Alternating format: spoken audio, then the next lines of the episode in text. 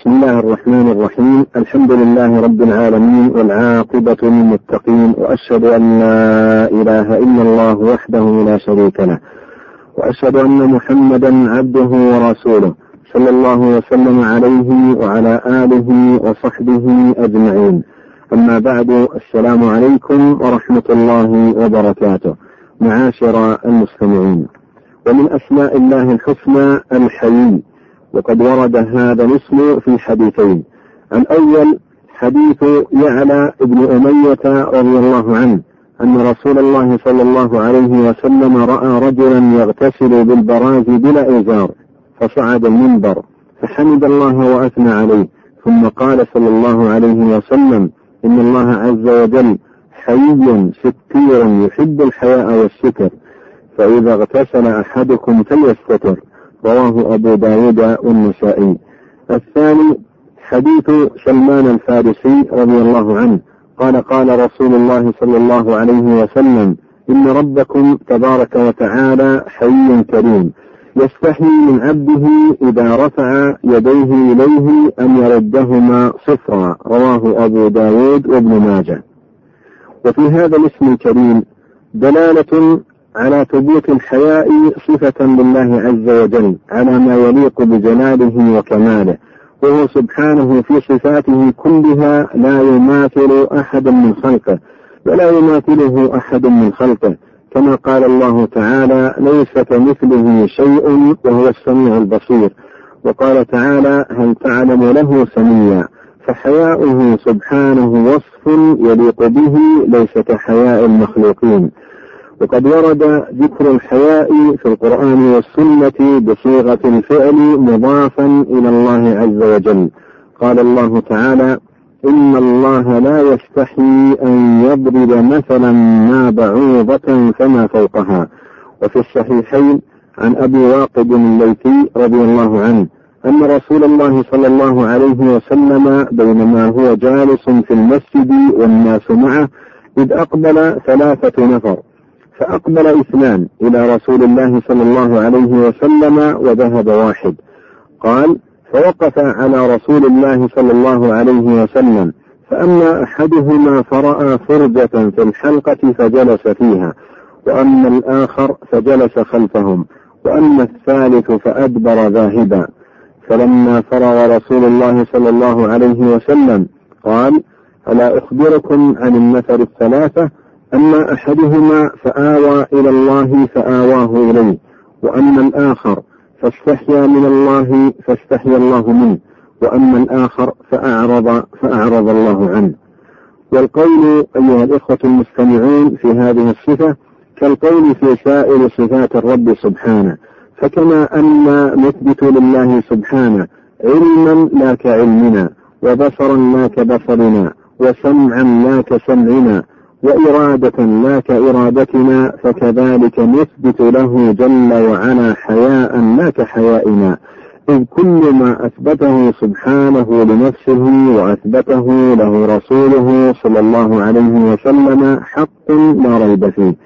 قال العلامة ابن القيم رحمه الله وقد وصف نفسه بالحياء ووصفه رسوله صلى الله عليه وسلم فهو الحي الكريم. كما قال النبي صلى الله عليه وسلم إن الله حي كريم يستحي من عبده إذا رفع إليه يديه أن يردهما صفرا.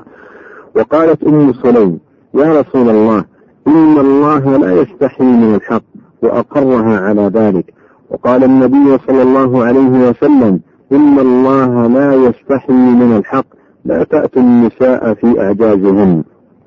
وقال رحمه الله وأما حياء الرب تعالى من عبده فذاك نوع آخر.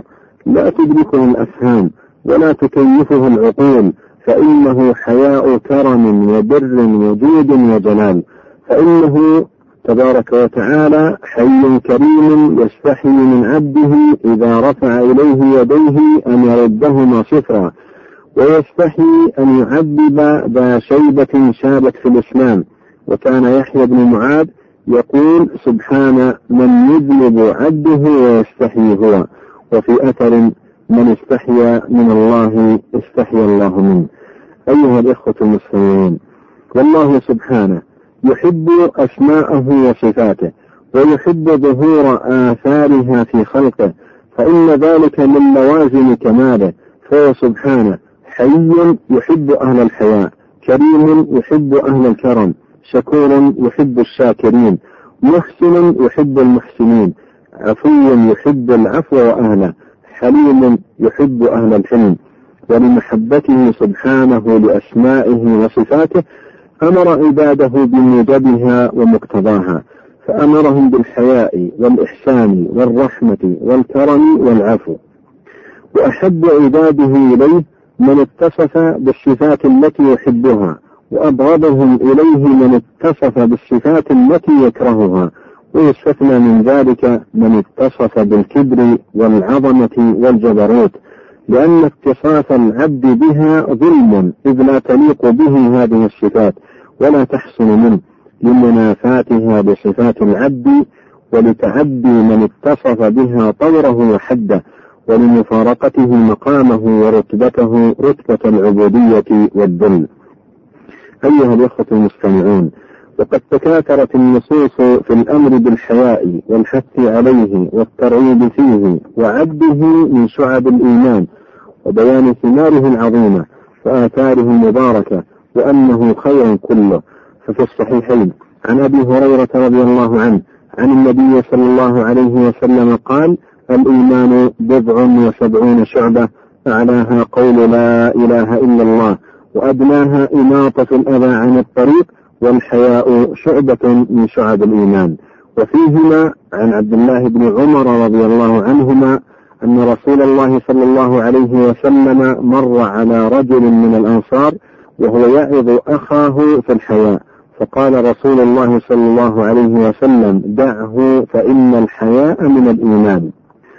وفيهما عن عمران بن حصين رضي الله عنه قال النبي صلى الله عليه وسلم الحياء لا يأتي إلا بخير وفي لفظ الحياء كله خير. وكان عليه الصلاة والسلام أشد الناس حياء. ففي الصحيحين عن أبي سعيد الخدري رضي الله عنه قال كان رسول الله صلى الله عليه وسلم أشد حياء من العذراء في خدرها. والحياء في العبد خلق جميل يبعث على اجتناب القبيح ويمنع من التقصير في حق ذي الحق ولهذا قال صلى الله عليه وسلم إن مما أدرك الناس من كلام النبوة الأولى إذا لم تستحي فاصنع ما شئت. أي من لم يستحي صنع ما شاء من الفواحش والمنكرات لأن الحياء هو المانع من فعلها.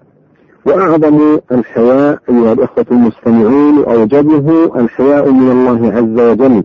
ففي الترمذي وغيره عن عبد الله بن مسعود رضي الله عنه قال قال رسول الله صلى الله عليه وسلم استحيوا من الله حق الحياء.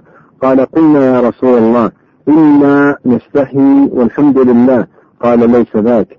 ولكن الاستحياء من الله حق الحياء أن تحفظ الرأس وما وعى. والبطن وما حوى وتذكر الموت والبلى ومن أراد الآخرة ترك زينة الدنيا فمن فعل ذلك فقد استحيا من الله حق الحياء وحفظ الرأس وما وعى يدخل فيه حفظ السمع والبصر واللسان عن المحرمات. وحفظ البطن وما حوى يتضمن حفظ القلب عن الإصرار على المحرم. وحفظ البطن من إدخال الحرام إليه من المأكل والمشرب وحفظ الفرج عن الفواحش. قال بعضهم استحي من الله على قدر قربه منك وخف الله على قدر قدرته عليك.